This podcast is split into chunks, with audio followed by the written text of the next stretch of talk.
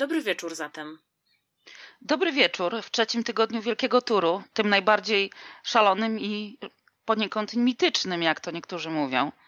No, emocje będą. Ja nie mogę się doczekać środy i tego etapu 65 czy 68 kilometrowego, który jest przez część kolarzy nazywany jazdą indywidualną na czas. No ja nie wiem, czy to będzie taka jazda indywidualna na czas. Raczej tam czuję, że pójdzie jakiś ogień, no bo 65 km do przejechania. E, co prawda trzy bardzo nie, trudne podjazdy, ale myślę, że jeżeli miałby być gdziekolwiek ogień w Pirenejach, to pewnie tam. Z drugiej strony ja też się dziwię, że nikt nie zrobił, właściwie poza Danielem Martinem, nikt nie zrobił niczego na tym etapie przed dniem wolnym.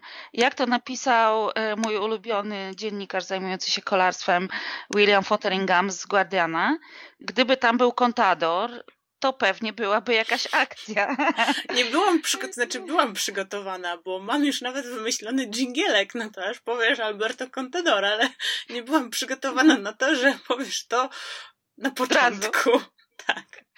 Natomiast on napisał, że tego rodzaju akcje nie leżą um, ani w charakterze Roglicza, ani w charakterze Dimulena. E, w związku z tym był to etap właściwie z takim trochę dziwnym atakiem Daniela Martina. No pokazał się, że, że próbuje. A tam tak naprawdę trzeba było posłać dwóch albo trzech kolarzy w odjazd ze swojej ekipy ruszyć na tym odjeździe, przyspieszyć szaleńczo na zjazdach, tamci by już czekali i w trójkę po zmianach i można było spokojnie dwie minuty utargować.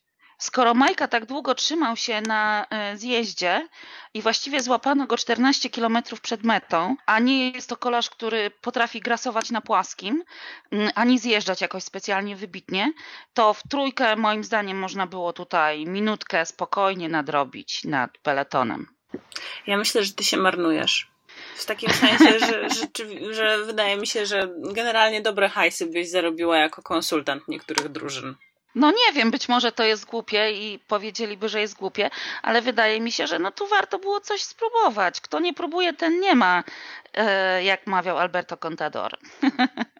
No, Znowu. Znowu. Tak. No ale po prostu ja za, to, ja za to bardzo lubiłam właśnie Contadora i bez niego trochę te wyścigi straciły jednak takiego pieprzu, bo on atakował nawet wtedy, kiedy mm, wszyscy inni uważali, że nie ma no, szans albo że to jest głupie. Gdzieś coś w tym było takiego pięknego, romantycznego, czego może dzisiaj brakuje. Nie ma romantyzmu w kolarstwie. Nie ma, są wyliczenia. Sky zabiło romantyzm w kolarstwie. W pewnym sensie tak. I ja z tą tezą chodzę od, od kilku dni, że zwróć uwagę, że pierwsza czwórka zawodników to są e, czasowcy, mm, czyli zawodnicy, którzy potrafią dobrze jeździć na czas. Natomiast ci prawdziwi górale w tych górach, przy tych pociągach Sky bardzo cierpią, dlatego że oni są przyzwyczajeni do kompletnie innej jazdy. Prawdziwy góral, taki rasowy, jeździ interwałowo. Tu skoczy, poczeka, rozejrzy się, aha, ktoś do niego dojedzie, trochę zwolnią, on znowu skoczy. I tak kiedyś wyglądało jeszcze, nie wiem, 10 lat temu, tak wyglądały etapy górskie. A dzisiaj mamy ciuch, ciuch, ciuch, ciuch, ciuch, ciuch, ciuch, to jedzie pociąg Sky, ciuch, ciuch, ciuch, ciuch, ciuch. Ciągle tym samym tempem e, i po prostu ci zawodnicy tak nie trenują według mnie, taki Landa, czy taki Quintana, czy nawet taki Nibali, tylko oni cały czas trenują te swoje interwały, a tu interwały są kompletnie niepotrzebne. Paradoksalnie największym takim prawdziwym góralem z tej całej czwórki jest Frum. No tak, bo Frum potrafił w ten sposób jeździć y, i z Contadorem w ten sposób walczył, y, i z Quintaną w ten sposób walczył. No a na przykład taki Dimulen nie lubi tych interwałów specjalnie. Im to im w to graj po prostu, no tak powiem. No dobrze, no to skoro już jest ten pociąg Sky, miałyśmy co prawda zacząć od Rafała Majki, ale przejdźmy płynnie do Sky. Geraint Thomas, Chris Froome, różnica między nimi minuta 39. No i teraz pytanie, po czym poznać e, lidera? Czy po liczbie mikrofonów podtykanych e, pod twarz na konferencji prasowej?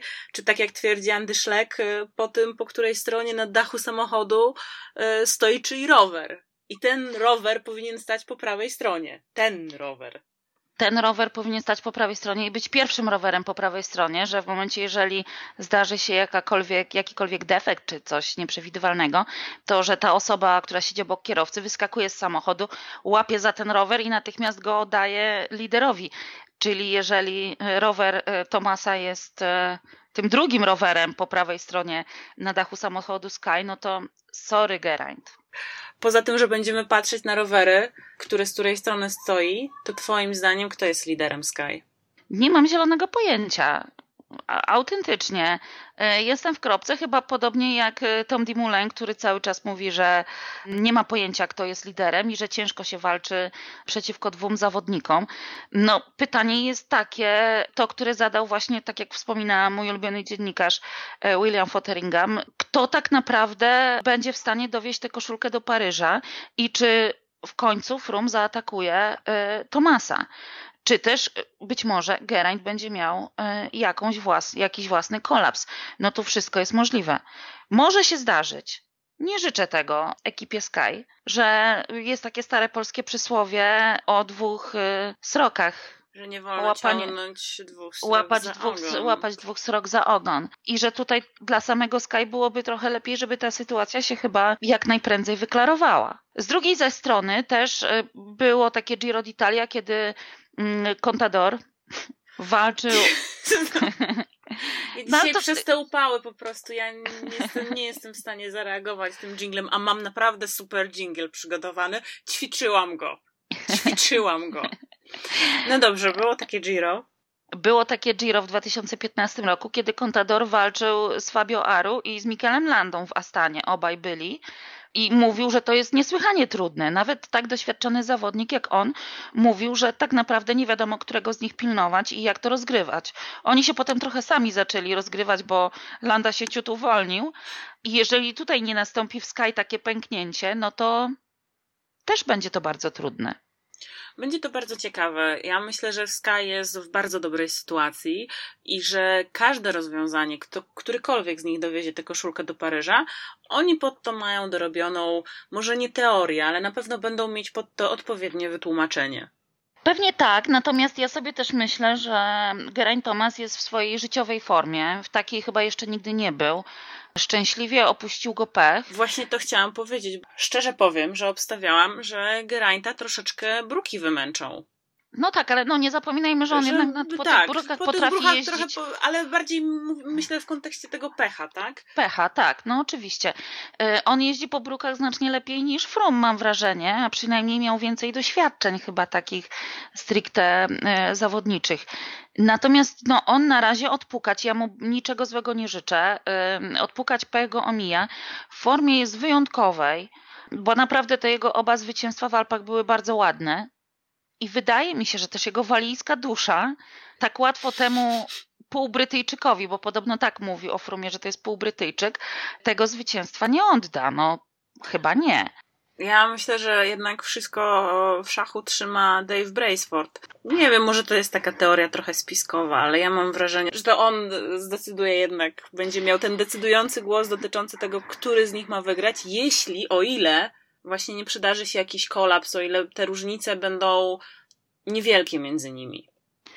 No tak, ale wiesz, y, y, świat kolarstwa już niejednokrotnie widział y, zawodników, którzy, którym nie działały słuchawki, dziwnym zbiegiem okoliczności zalewało się radio, a Braceford nie jedzie.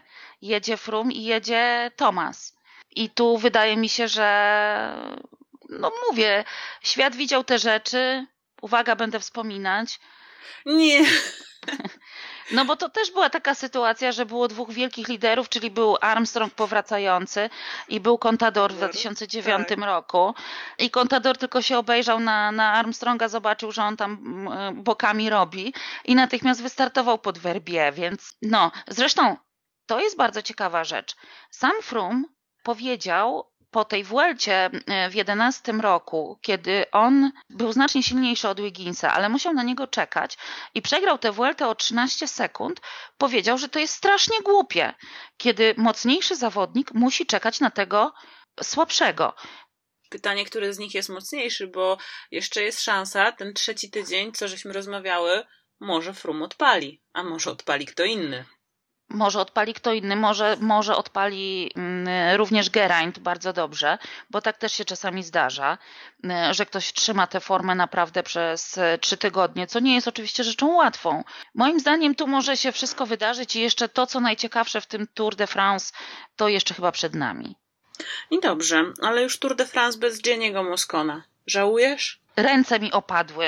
Ale tobie ręce opadły, jak on e, uderzał, czy ręce ci opadły wtedy, kiedy on czytał to oświadczenie i, i mówił, jak jest mu przykro i chyba nie za bardzo rozumiał to, co czytał? I w obu przypadkach powiem tak, zwłaszcza, że to nie jest jego pierwszy wybryk. E, ja słyszałam od Marka Sawickiego, że to jest generalnie bardzo sympatyczny gość, którego rodzice mają e, wielką farmę e, i który uwielbia jeździć traktorami i ma w ogóle takie, taki pseudonim. Il Trattore, nie wiem czy dobrze po włosku mówię, czy może samo Trattore, nie wiem. W każdym razie jest generalnie sympatycznym człowiekiem. Do tego to jest wielki talent. No i po prostu kraksa za kraksą, że tak powiem, tylko w takim sensie e, metaforycznym. To taki peszkin kolarstwa. No właśnie, no nie wiem, nie wiem. Bo dla atmosfery tam chyba nie pojechał na to Tour de France. No nie, ale też chyba musiał bardzo zdenerwować y, szefostwo Sky, bo no osłabił drużynę po prostu y, przed tym kluczowym trzecim tygodniem. No głupota skrajna. Jeszcze na samym początku etapu, cóż on chciał od tego biednego człowieka? Wiesz, no tam był też jakiś powód, musiał być jakiś powód. Tak myślę, że tak bez powodu się tak po ryjkach nie tłuką kolarze. No raczej nie, no. I, y, natomiast ja pamiętam, jak się bił Brambila z Iwanem Rownym na Wuelcie i to w ogóle wszystko było bardzo śmiesznie, bo się tak poszarpali troszeczkę. Potem sędziowie ich zdejmowali stresy i ten Brambila, który płakał i robił serduszka do widowni. Było to śmieszne, natomiast ten czyn Moskona był taki kompletnie niepotrzebny kompletnie z niczego nie wynikający. No o cóż on się tam y, y, bił na tym samym początku etapu? Że mu ktoś szyki? No nie wiem, co ten Moskot. Nie, moim zdaniem, ale zupełnie, zupełnie serio mówiąc, to mm, chyba to jest taki dobry przykład y, na to, że, że czasami jest potrzebny psycholog. W Teamie Sky jest psycholog, bo on ma jakiś problem z takimi wybuchami dziwnej agresji, takiej nagłej, zupełnie niespodziewanej. I no tutaj się powinien chyba mm, zgłosić do specjalisty i popracować nad swoimi emocjami, no tak myślę. Nie. La Gazeta pisze, że Sky może mu podziękować po Tour de France. No tak, bo mówiąc językiem Harry'ego Pottera, to był grzech niewybaczalny, czy tam zaklęcie niewybaczalne. No po prostu jak można osłabić drużynę przed trzecim tygodniem turu? No jak? Jak? No. Gianni Why? Gianni Why. No w sumie szkoda by było, gdyby y, mu podziękowano po, od razu tak po Tour de France, bo y, podobno Kofidis potwierdził Błaniego na Tour de Pologne. Sugeruję, Lars Bom też ma być. sugerujesz, że powinni się spotkać. A Rui Koszta, bo y, Rui Koszta kiedyś, nawet puszczałam ten filmik na Twitterze, Rui Koszta okładał się kiedyś kołem z Baredo bodajże na, na jednym z Tour de France i musieli ich rozdzielać y, członkowie ekip, a oni jeszcze, mimo że byli rozdzieleni, jeszcze coś tam do siebie y, wykrzykiwali i machali rękami. No więc czasami bywają takie emocje. Nawiasem mówiąc, Michael Walgren, którego ja bardzo lubię, też się zachował niezbyt ładnie, bo y, po tym y, etapie, na którym uciekał Rafał Majka, powiedział, że jeden taki gościu, powiedział, nie pamiętam jego nazwiska, ale chodziło o Kalmerzana, to głupi jest. Chodziło o jakieś tam zachowania na drodze, natomiast no też nie przebierał w słowach i chyba to nie wiem, czy mi się to podoba. No, niekoniecznie. No, przynajmniej był szczery i było co wyciągnąć do tytułu. Więcej no tak. odsłon, wiesz, zawsze jednak życie jest dzięki temu trochę łatwiejsze.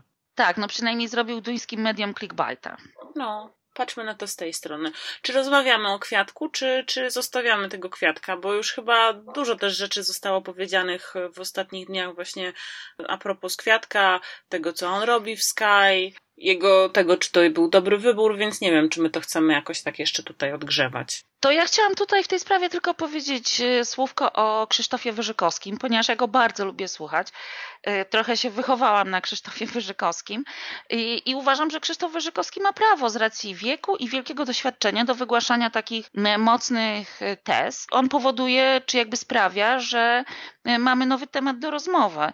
I to też jest fajne, bo nie możemy się tylko głaskać, tylko czasem trzeba, trzeba podyskutować. I tutaj bardzo fajnie, że, że Michał Kwiatkowski sam się w tej sprawie odezwał. Ja uważam, że to jest bardzo inteligentny człowiek, bardzo inteligentny kolarz i on ma na pewno bardzo przemyślane to, co robi. Czy będzie kiedyś tego żałował? Nie wiem. Na razie wydaje mi się, że nie żałuje. I mówię, na pewno, na pewno jest to przemyślane, a nie jest to mm, coś pod wpływem impulsu czy pod wpływem chwili. Ja uważam, że jeśli mogę się wypowiedzieć i mam nadzieję, że e, jeśli Michał Kwiatkowski kiedykolwiek wysłucha naszego podcastu, nie będzie miał mi tego za złe. Ja też uważam, że on robi dobrze. Jakby biorąc pod uwagę różnego rodzaju czynniki, można tę ekipę lubić, można jej nie lubić, ale trzeba oddać to, że jest to jednak jedna z najmocniejszych ekip w peletonie, z bardzo stabilnym budżetem, z bardzo dobrym zapleczem. E, widać też, że Michał zrobił bardzo duży progres będąc w Sky. Chyba mało kto przypuszczał, że będzie chociażby tak dobrze jeździł w górach. Na przykład i też mi się wydaje, że mm, jego możliwości rozwoju na przykład w Quickstepie już się zupełnie wyczerpały. Absolutnie. Jak się tak zastanowić nad tym, co powiedział Krzysztof Wyżykowski tak bardzo emocjonalnie, no to oczywiście trochę żal, że ten Kwiato nie jeździ w tej żółtej koszulce, tak jak Van Avermaet przez tych 10 dni, bo to, to dopiero wtedy byłby w Polsce e, wielki szał. Ja przypomnę, że Michał Kwiatkowski jeszcze nie wygrał żadnego etapu na Wielkim Turze, mimo że ma już na koncie chociażby monument, a tylko raz w swojej karierze przez jeden dzień zakładał czerwoną koszulkę lidera na Vuelcie. E, natomiast pytanie jest oczywiście takie, że czy ten moment, kiedy Kwiato nie będzie wkładał tej swojej czerwonej koszulki, czy tej koszulki lidera nie nastąpi już w sierpniu, bo też nie wiadomo w jakiej roli on pojedzie na Vueltę. A prawdę powiedziawszy, ja liczę na to, że, że jednak y, nawet jeżeli pojedzie tam Chris Froome, jak się odgraża, to że Kwiato będzie tam wtedy tym y, kolarzem B, planem B, no bo to już będzie naprawdę duże zmęczenie, a Vuelta znacznie bardziej odpowiada Michałowi Kwiatkowskiemu jego charakterystyce niż Tour de France chociażby, jeśli myśleć o, o górach, więc Kwiato będący w tej formie, w jakiej jest dzisiaj, na Vuelcie spokojnie mógłby przez wiele dni trzymać koszulkę lidera. Przejdźmy zatem do Rafała Majki. Bardzo mi się podobało to, co napisał Michał Gołaś y, w niedzielę, y, że zepsuł niedzielę wszystkim hejterom i że jest walczakiem. Y, do tej dyskusji się włączyła nawet Justyna Kowalczyk i Justyna Kowalczyk z Michałem Gołasiem sobie podyskutowali właśnie o hejterzaniu i o tym, że nie należy się przejmować komentarzami. Rozmawiałyśmy o tym w czasie Giro, że Fabio Aru udał się na poszukiwania samego siebie i odnajdzie się chyba dopiero gdzieś w okolicy Tour de Pologne. E, natomiast Majka udał się na poszukiwanie samego siebie, bo użył dokładnie tego samego sformułowania i zaczął odnajdywać e, kilka dni później, więc e, nie jest tak źle, mówiąc trochę żartobliwie. Ja mam z kolei na przykład przy Rafale Majce e, taką, taką refleksję, że tak jak czytałam te wypowiedzi, nie wiem, może ja jestem po złej stronie Twittera albo po złej stronie social mediów i w sumie nawet jeśli jestem po złej, to, to wolę po niej pozostać, bo ja tam nie widziałam jakiegoś takiego mega hejtu. Raczej to były zadawane pytania, tak? Co się z nim dzieje, tak? Dlaczego tak się dzieje, a nie inaczej? Pojawiały się też na przykład sugestie, że może jednak nie generalka, może jednak grochy. Nie każdy musi być Chrisem Frumem, czy, czy nie wiem, Lensem Armstrongiem, czy Eddie Merksem. Nie każdy musi wygrywać wielkie tury, tak? Chyba złe przykłady dałaś, wiesz? Żartuję. Wymieniłaś akurat takich kolarzy, którzy coś tam mieli za uszami. No to Majka niech lepiej nimi nie będzie. Y, mówiąc żartobliwie, ale nie, no okej. Okay. Ja może jestem Rzeczywiście. Trochę... Bo ja to w ogóle, ja, ja abstrahując już od tego, ja to w ogóle nie wierzę w czystość kolarstwa, ale to, to nie była żadna aluzja, broń Boże. Y, natomiast, y, natomiast ja jestem chyba po tej gorszej stronie Twittera mm, i były tam takie, że balonik, że pompowanie, że to, no nikt nie pompował balonika. Y, Rafał On sam liczył... wywiadu przeglądowi sportowemu, powiedział to, co miał do powiedzenia. Ja ze swojej strony jakby też nie miałam takiego poczucia, że ten balonik, z tego co czytałam w mediach, tak, że ten balonik jest pompowany. Ja też nie miałam takiego wrażenia, tymczasem tutaj do mnie też piszą ludzie na Twitterze e, takie rzeczy, że po co był ten atak, że to jazda na alibi i tak dalej, i tak dalej. Podobne głosy czytam na forum rowery.org, które od czasu do czasu e, podczytuję i muszę powiedzieć, że to forum niestety przestało być tym, czym było jeszcze kilka lat temu, kiedy z przyjemnością czytałam merytoryczne wpisy ludzi, którzy naprawdę się znali na kolarstwie, analizowali podjazdy, analizowali jazdy zawodników i tak dalej i stawiali ciekawe tezy Dziś to jest taka po prostu troszeczkę właśnie dziwna, dziwna wymiana zdań. E, trochę się może kibic kolarski po prostu zmienił, może jest ich więcej niż było. Jest to, jest to skutek mm, większej popularności kolarstwa. E, też spotkały mnie takie głosy, że, że Bora już w ogóle ma dosyć majki i tak dalej. Ja mówię, ludzie, dajcie spokój. Chłopak za chwilę wygra e, jakiś etap i pojedzie na Vueltę i kto wie, co tam zrobi. Jeszcze są Mistrzostwa Świata to jest kolarstwo, no. To nie jest tak, że przegrywasz jeden mecz i cię nie ma. W sensie jeden etap tutaj. No tak, no ale tu przegrywasz jeden etap i dalej jeszcze możesz y, sfokusować się na coś innego i osiągnąć sukces, inny sukces, ale jednak sukces. Oczywiście, no zdarza się też tak, że ktoś ponosi totalną porażkę. No co powiedzieć o Uranie, czy co powiedzieć tak. o Nibalim?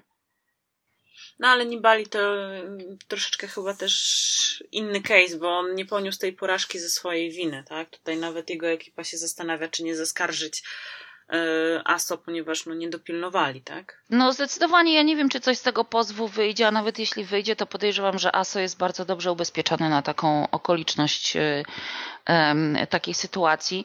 Tak. ja parę dni temu widziałam też na właśnie Instagramie Vincenzo Nibalego, e, z kolei na Instastory, takie ładne Instastory, jak w basenie siedział. Więc nie ma źle chłopak. No myślę, że na pewno jest zawiedziony, to, to co do tego nie mam wątpliwości. No ale też nie można rozdrapywać rancza, fokusować się na dalsze cele i tyle. No. Co będzie siedział teraz w domu, chłopak i płakał? Za chwilę Vuelta. Tak sobie znowu pomyślałam o Peszce który nie siedział, nie płakał, pojechał na Ibizę czy na inną wyspę. A teraz jednak stwierdził, że to w nim siedzi, no. A, to ciekawa teoria taka psychologiczna, to mi się podoba, że on tak bardzo przeżył ten mundial, że to wszystko tak w nim siedziało. Tak, nie wybuchło skumulowało... na Ibizie jeszcze. I tak. dopiero teraz, jak wrócił na boisko, przypomniał to sobie tak, bo tak. na tej Ibizie to trochę zapomniał. O, może tak, ta teo... wtedy teraz ta teoria ma sens. Na Ibizie trochę zapomniał, więc to się tak oddaliło, a teraz sobie przypomniał, jak wszedł na boisko, że kurde, to się wydarzyło, naprawdę. Tak, ciekawe, co się działo w głowie Jenny'ego Moskona. Aż się boję myśleć. Nie podajmy się. Nie podajmy się. No, ale tak wracając do Majki, to hmm, rozmawiałyśmy, nie pamiętam już chyba kilka tygodni temu, jeszcze przed Tour de France i trochę poddawałyśmy wątpliwość jego sposób przygotowań. Być może słusznie. W ogóle to trzeba by było go po prostu zapytać o to, bo on też w jednej z tych e, rozmów przeprowadzonych na Eurosporcie mówił o tym, że ten tryb przygotowań się zmienił.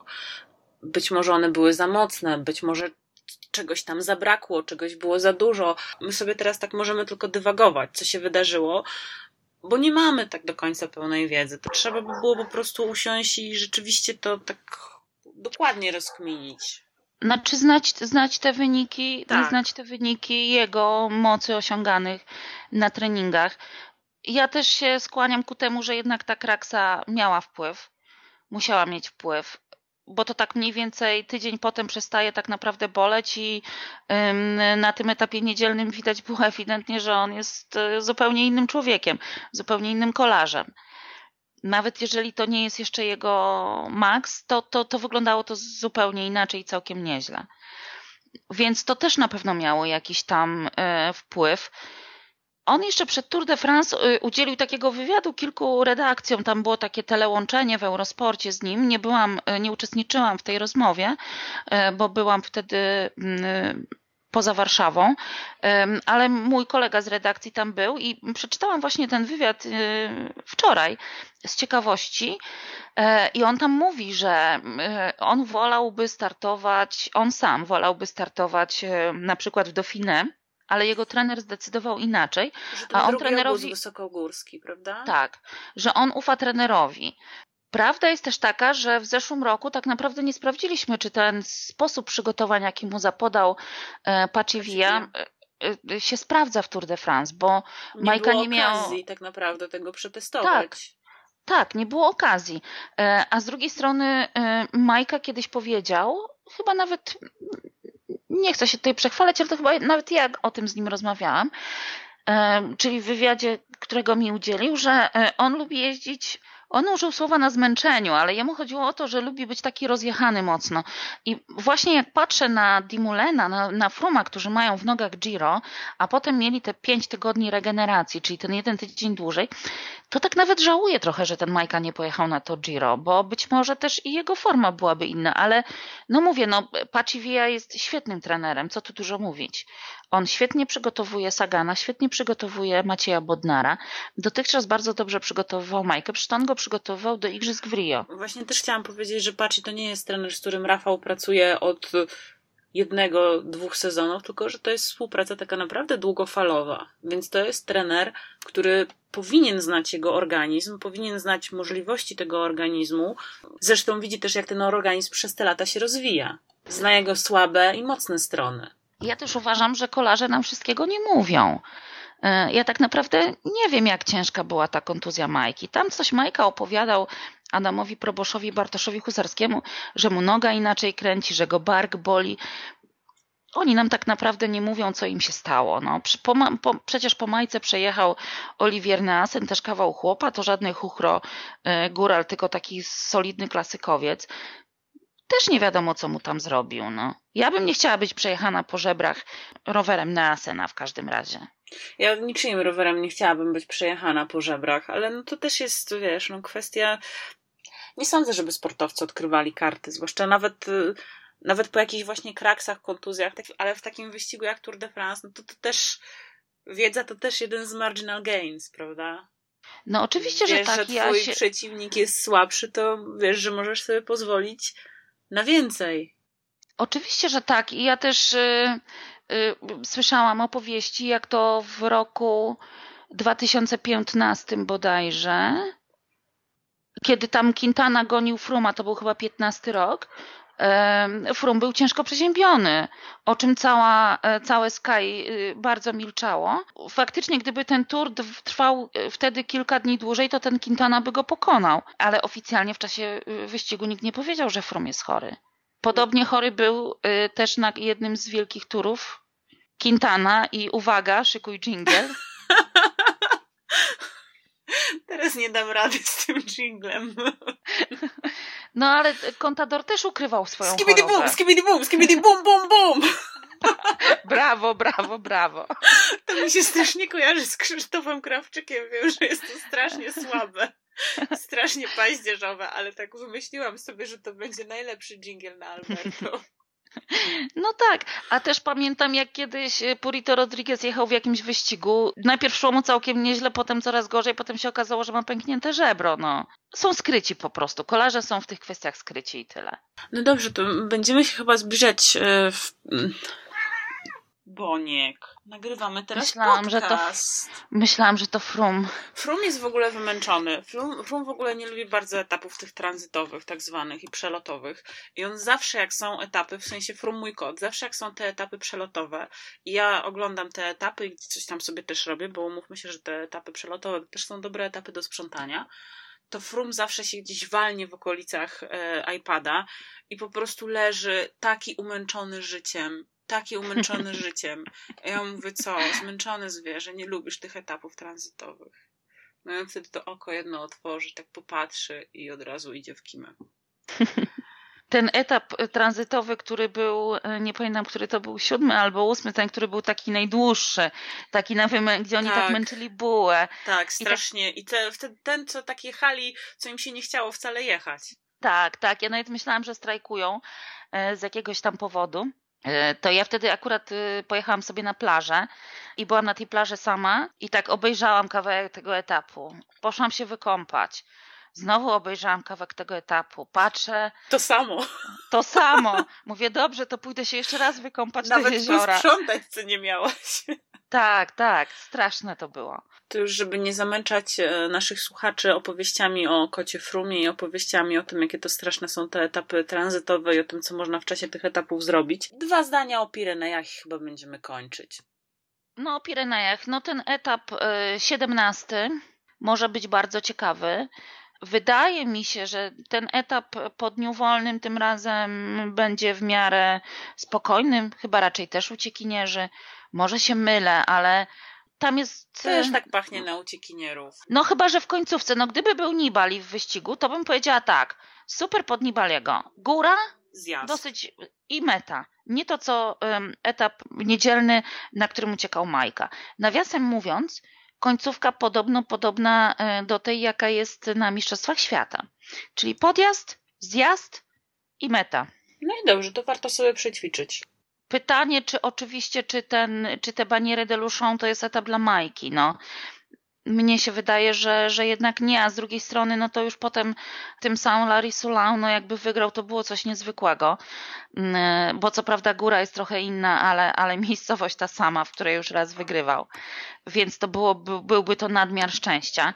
Wydaje mi się, że ten etap de Larun to też raczej nie jest etap dla Majki, dlatego że co prawda to mamy Tourmalet, i Majka kiedyś wygrał etap, na którym wygrał też premię na Tourmalet i zgarnął tam bardzo dużo punktów e, do klasyfikacji górskiej, ale wtedy Tourmalet było 50 km od mety, a teraz jest e, niewiele mniej niż 100. Więc no nie sądzę, nie sądzę, żeby on, chyba żeby zaatakował na, na Koldobis, gdzieś w tych okolicach Koldobiski wtedy i wtedy ruszył. E, natomiast to jest dobry etap do tego, żeby właśnie walczyć o klasyfikację górską. Ponieważ to są, e, podobnie jak ten etap 17, e, ponieważ tam są podwójnie premiowane premie i można naprawdę bardzo dużo punktów zdobyć. Żeby nie było, że pompujemy balonik, to fakt, nie opinia, Majka jest obecnie na piątym miejscu w klasyfikacji górskiej i ma 28 punktów. To nie jest dużo, ale w tych, w tych Pirenejach naprawdę jeszcze tych punktów można zdobyć. Jeżeli tylko będzie miał nogę, jeżeli będzie był w stanie iść codziennie w jakiś odjazd, to jeszcze nie jest bez szans. Jeszcze chciałabym powiedzieć jedno zdanie na sam koniec, zanim po prostu e, pojawią się zarzuty, że pompujemy balonik teraz, jeśli chodzi o e, klasyfikację górską i Rafała Majkę. Dosłownie dwa zdania o klasyfikacji generalnej i o tym, co mówiłaś, że tam są świetni czasowcy wśród tych kolarzy zajmujących miejsce 1-4. No i to czwarte miejsce, ten Primoz Roglic, to jest, przyznasz, że może być zaskoczenie. Młody kolarz, były skoczek, właśnie się tak śmiałam troszeczkę, że żeby tylko nie żałowali, że ten Roglicz jest tam z nimi, a nie na letniej Grand Prix w Zakopanem. Bo może zrobić e, niespodziankę, sprawić psikusa tym faworytom. No i dobrze, gdzie dwóch się bije, tam trzeci korzysta i jak miałby skorzystać Roglicz, to byłoby fajnie. Fajnie, ja też bym jeszcze nie przekreślała panów z Movistaru jednak. Ten trzeci tydzień, kto wie, co im tam w głowach siedzi. Quintanie, Landzie, może też odnajdą samych siebie. No Landa jest ewidentnie obity, to, to nie ulega wątpliwości dla mnie, że on, on też jest jakiś poobijany, chociaż dzisiaj widziałam, że już wielki opatrunek z łokcia zdjęty, już tylko małe plasterki zostały. Wszystko się goi. Może plasterki z tymi dinozaurkami z Education First. Takiego mają fajnego dinozaura. Widziałam różowego dinozaura, tak, mogliby go zabrać Na Tour de Pologne, właśnie, też to, tak, tak, tak. No dobrze, ponieważ już zaczynamy gadać głupoty, to chyba czas się pożegnać. Żeby też nie pompować balonika i nie przedłużać. Ale trzymać kciuki nikt nam nie zabroni. Absolutnie nie. No i najciekawszy tydzień Wielkiego Turu wciąż przed nami. A kto wygra? Czas pokaże. We will see. We will see.